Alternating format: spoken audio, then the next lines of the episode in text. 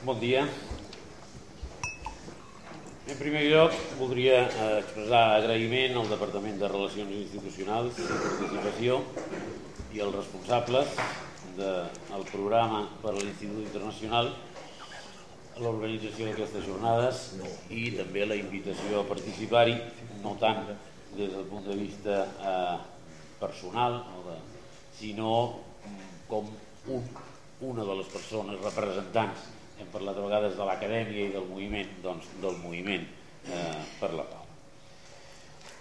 La meva intervenció girarà al voltant de, del concepte de cultura de pau i de l'objectiu de la seva progressiva implantació i en aquest sentit eh, jo em sentiré molt malament en algun moment repetint coses eh, que ja s'han dit, eh, intentaré. Eh, però de totes maneres també m'agradaria ja ressaltar, com que passarà que en alguns punts hi haurà coincidències, ressaltar la coincidència. És a dir, eh, ahir eh, parlava, eh, o el divendres parlava el Rafael Grassa de eh, les òlives i de les balenes, és a dir, de l'acadèmia i del moviment, si voleu, de la investigació i de la militància. Eh?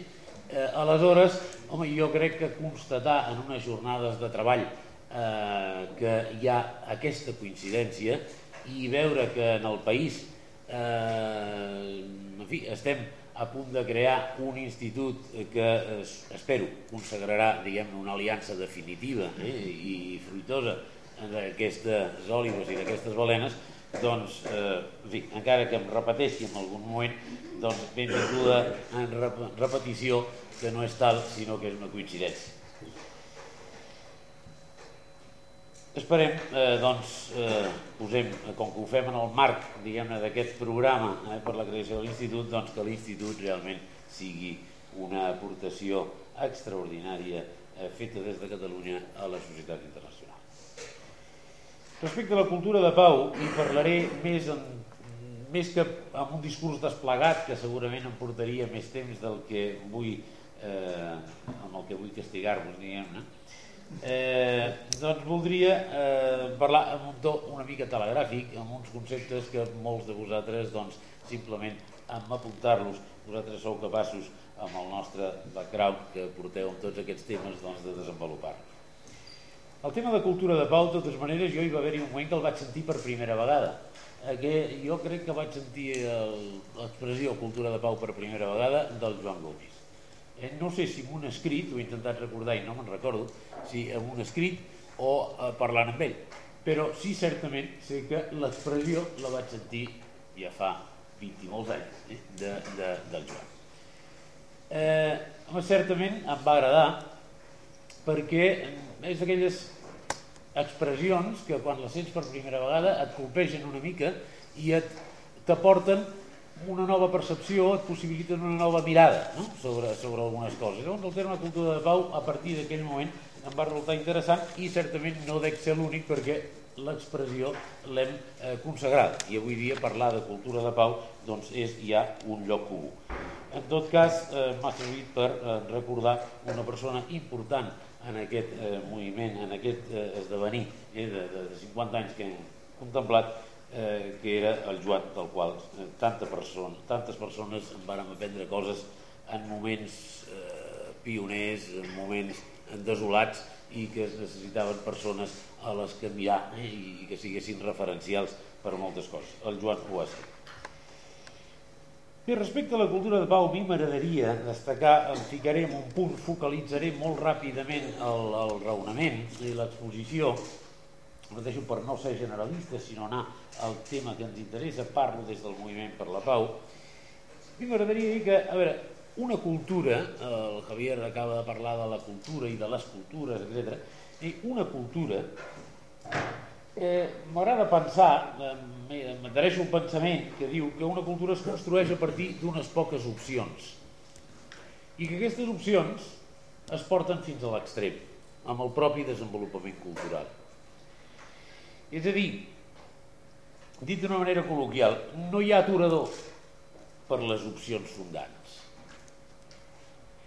I quan parlo d'opció, vull dir, vull dir una cosa, vull dir realment una opció, és a dir, és una cosa que podria optar-se per això o podria optar-se pel contrari. I espero eh, explicar el que vull dir. Si, per exemple, el liberalisme opta per l'existència d'una mà invisible que arregla els conflictes econòmics, no hi fa res que l'experiència ens demostri que no hi ha mans invisibles sinó mans ocultes i a vegades brutes, o moltes vegades brutes. Seguim postulant que hi ha una mà invisible que regula el mercat. Això és una opció. O sigui, no hi ha res que demostri l'existència d'aquesta mà invisible en la qual creiem, en la qual creu el liberalisme i es desenvolupa. I això no té aturador. Deixeu-me dir també que, eh, i això ho dic com de passada, però em sembla que és important, que es governa per opcions més que per possibilitats. Encara que des del poder se'ns diu sempre que es governa, o des de la política se'ns diu molt sovint que es governa per possibilitats més que per opcions. Això crec que té la seva importància. És a dir, segons les opcions que fem, tindrem unes o altres possibilitats. Per tant, les possibilitats són d'alguna manera filles de les opcions. No som purament oportunistes, sinó que tenim unes opcions prèvies fetes. I entro amb el tema que, eh, i amb el, amb el tema de la pau i de la violència.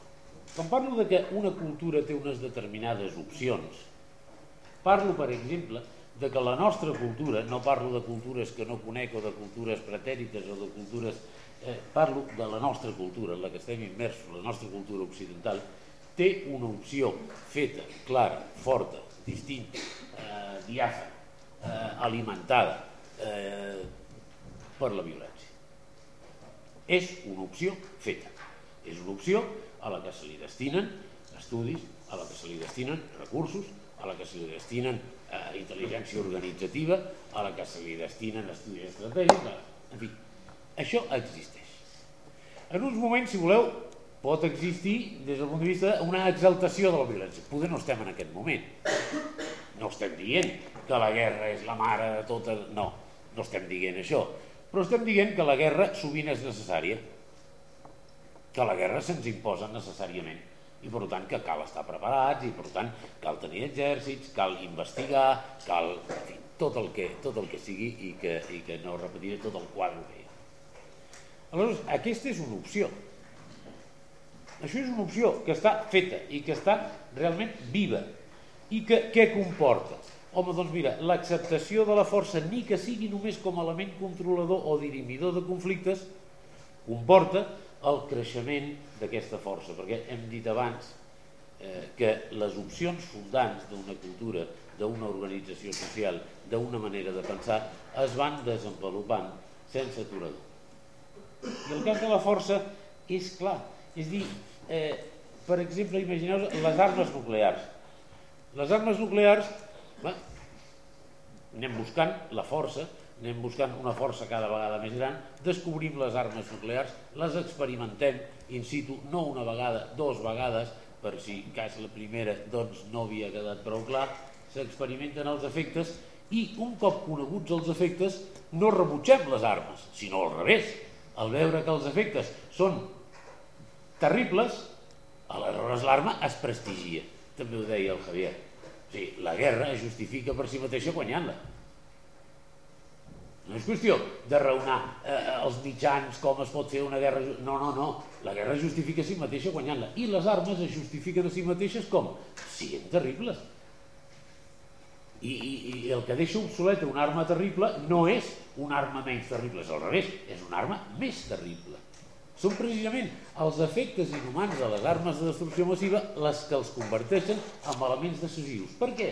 Perquè hem fet l'opció, perquè l'opció està allà sota de que la violència, la força, és un element dirimidor de conflictes. Potser no és un element de conquesta, no ho sé, és un element, no ho sé, és un element, en tot cas, que s'accepta, en el millor dels casos, com a dirimidor de conflictes, que cal tenir preparada per si de cas. I per tant, doncs en aquí hi ha una dinàmica que ens porta necessàriament, necessàriament a la força mmm, a l'acumulació de força d'una manera il·limitada, a apreciar les armes precisament quan aquesta força il·limitada doncs, la van desenvolupant i a més, fixeu-vos per exemple que inclús fa molts pocs dies el president francès amb tota la poca vergonya del món doncs invocava el dret de França a utilitzar armes nuclears. Però, a veure, què en algun cap, diguem-ne, que es pugui reivindicar el dret? És a dir, n'hi ha altres que poder tenen la mateixa malignitat de pensament, però tenen més vergonya. I no ho diuen. Però és que aquí eh, hi ha una cosa tremenda, o sigui, des d'aquesta Europa que vol ser, que vol ser referent, ja que no ho és amb altres coses, de drets humans, de llibertat, de drets d'acolliment, de no sé què. A veure, França, el que li devem tant, des de tants punts de vista, culturalment. Doncs allà pot sortir un president que digui, sense que els seus conciutadans el destitueixin immediatament, sense que provoqui res, és a dir, que uns quants centenars o milers, si voleu, de joves marginals, maltractats per la vida, marginalitzats, cremant uns quants cotxes, provoquen un terratrèmol a França. Però en canvi el president francès ens pot dir, escolti, no m'empipi, perquè li puc aplicar les armes nuclears. Això passa sense cap problema.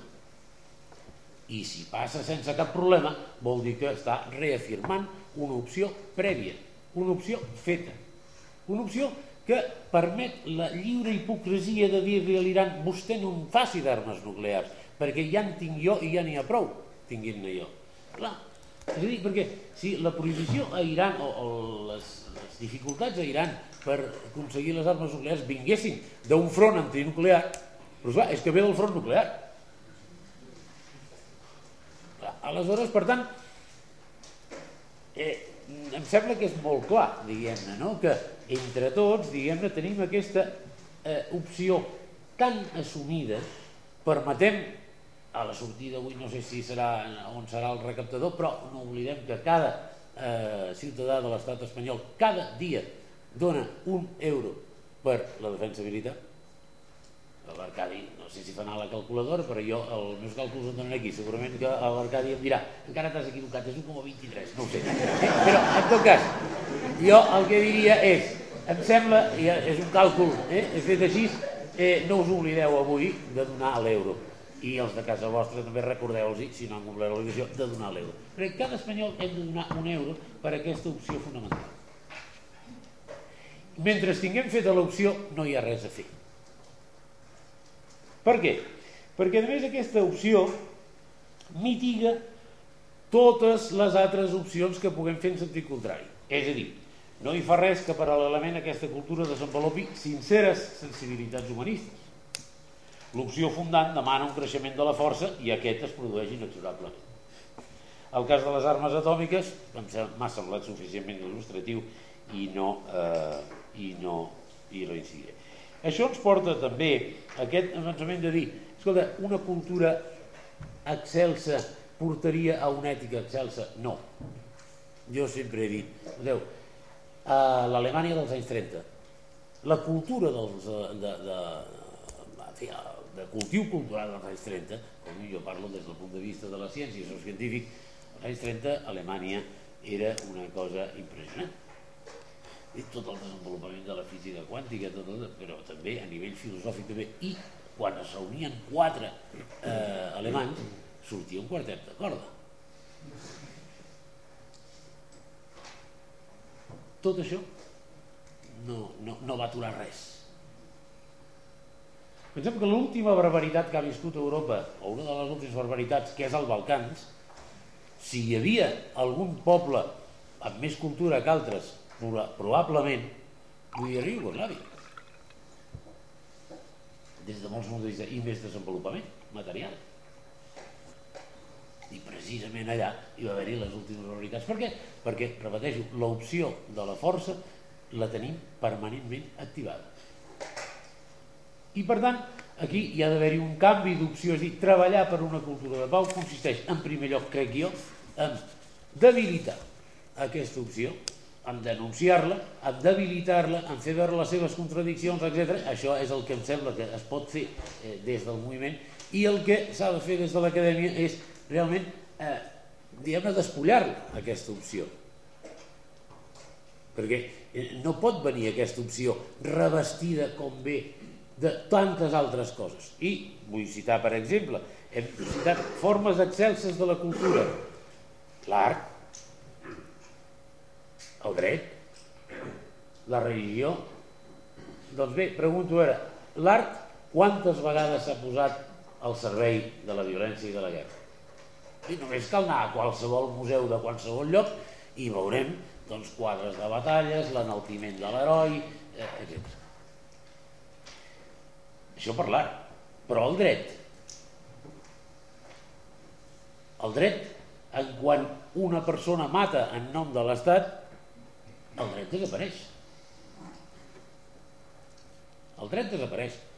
I tranquil·lament doncs, podem parlar d'assassinats selectius, per exemple, comesos per l'Estat d'Israel i d'altres.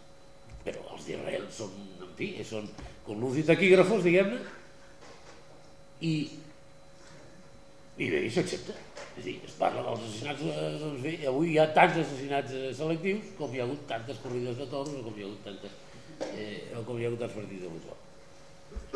Per tant, mm, acceptem-ho, diguem-ne, que això està absolutament eh, prioritzat, que aquesta opció la tenim fortament feta i que, per tant, totes altres consideracions eh, de tipus humanístic i de model, bé, seran en determinada manera cures pal·liatives en determinats moments que no dic que no calgui fer-les però en definitiva aquí eh, hi ha una opció que tindríem que no sóc gens pessimista perquè també simplement contemplant eh, les coses mm, s'ha de dir que hi ha esplèndids exemples d'opcions positives. El que passa, l'únic temor que tinc és si ara les repetiria.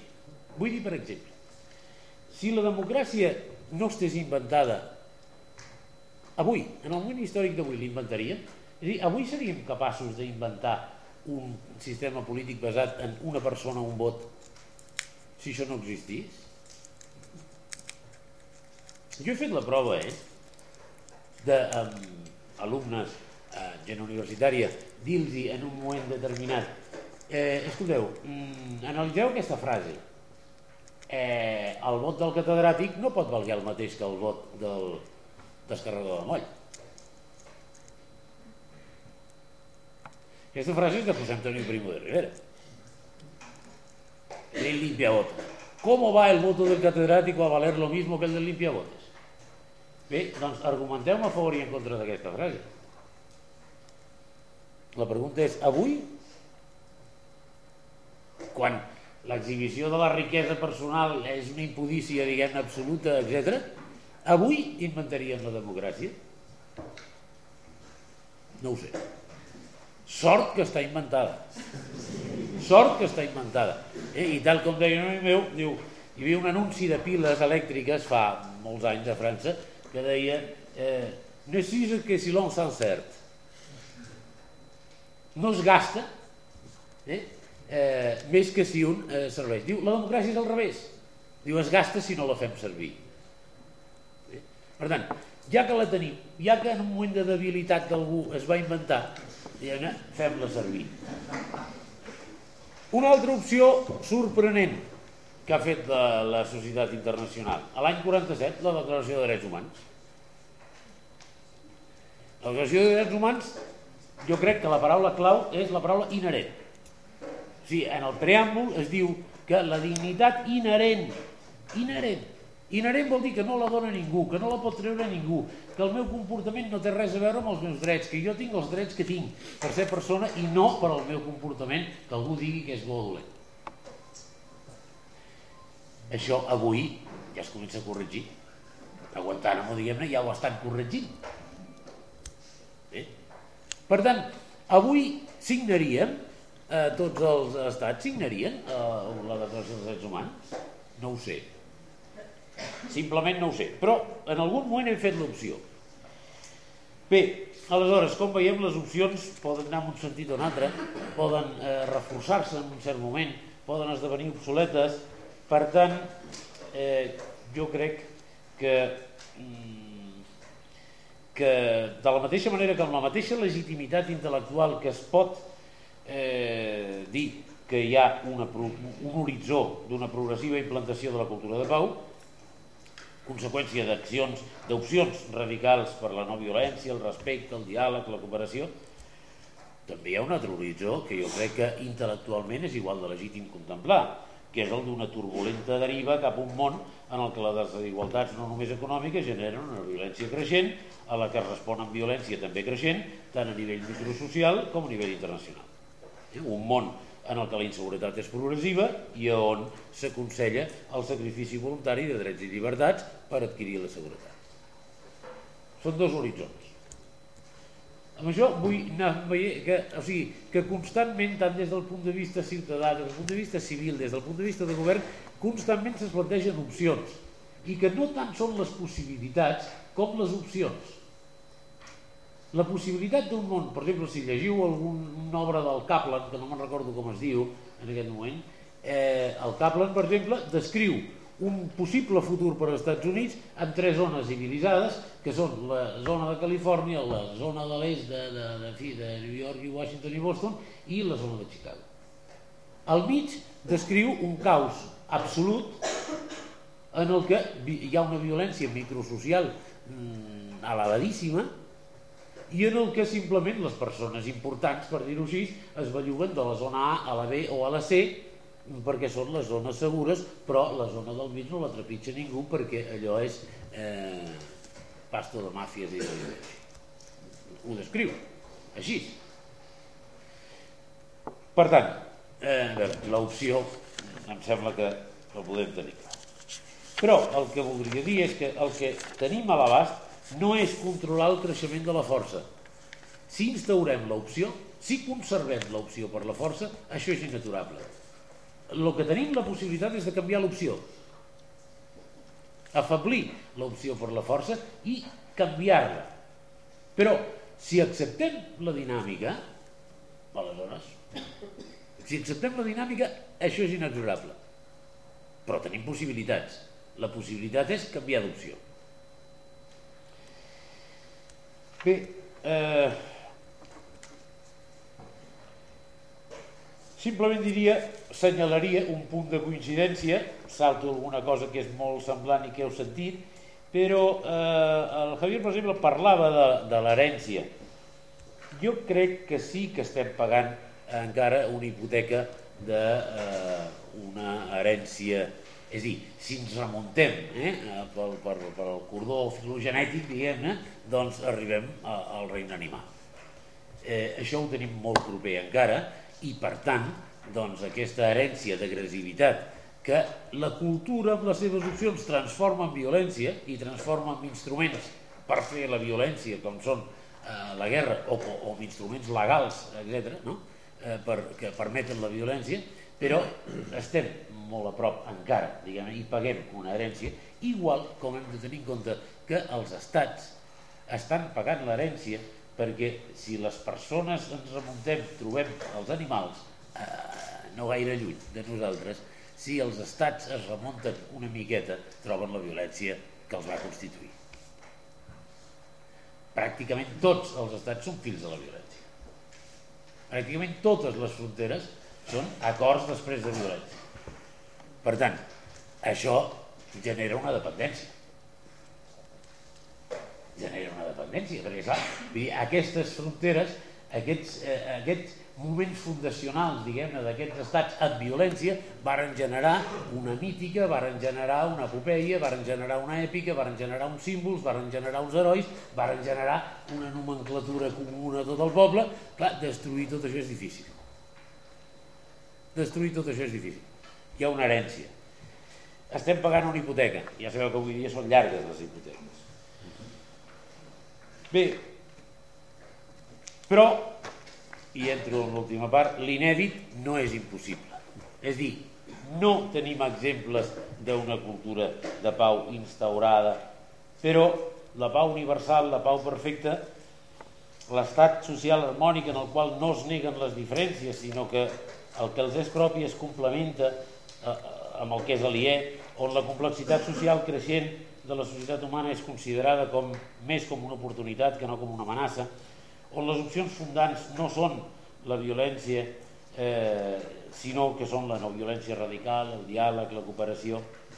Tot això és, per descomptat, una utopia. Tot això és una utopia. Ho és literalment. Però no és cap quimera. La quimera és un malson. La quimera és una cosa fruit d'una imaginació que no distingeix entre lo real, entre lo possible, lo impossible. Això és una quimera. Si mireu el diccionari que vol dir quimera encara és més explícit que això. No hi entro. Eh, però en canvi una utopia és diferent. Una utopia és un horitzó. Una utopia no és una, la definició, l'utopia no és la definició d'una meta, perquè el propi del, del caminar de la gent, el propi de l'evolució humana no són les metes, són els camins. Vull dir, les metes no hi arribem, el camí ho fem sempre. El que tenim garantit és que podem fer camí. El que no tenim garantit és la meta. Per tant, el propi diguem-ne, de l'existència humana, el propi del desenvolupament de la societat són els camins. Per tant, que aquest camí que vol un canvi estigui il·luminat per una utopia, això és un, eh, això és un bon constructe, diguem.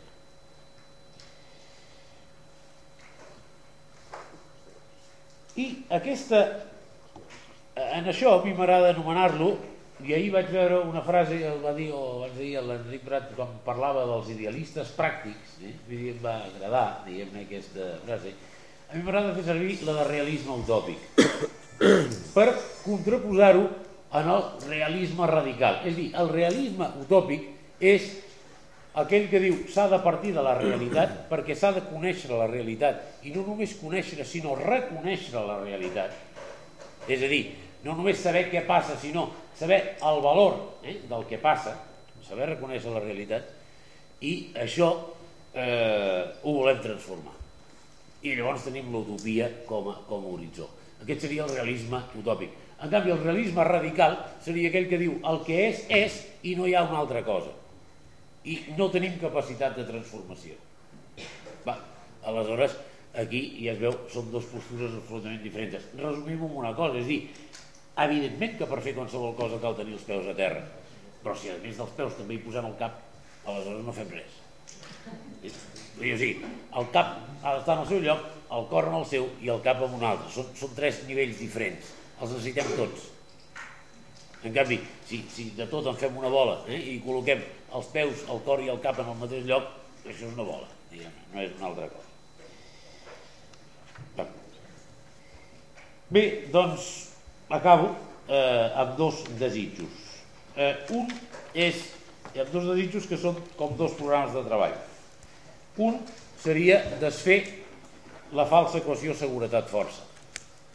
Tothom vol seguretat, aquesta és l'acceptació de la realitat, però l'utopia està a desfer la igualtat que s'ha creat entre seguretat i força. I per una altra, crec que és important el que eh, aprenguem a gestionar la complexitat creixent de la societat. I no entra. Doncs res més, simplement eh, desitjar una vegada més que eh, l'institut sigui aviat una realitat mitjançant la, la qual la societat catalana faci aportacions valuoses a la construcció d'una cultura feta sobre unes opcions diferents i noves. Moltes gràcies per la vostra atenció.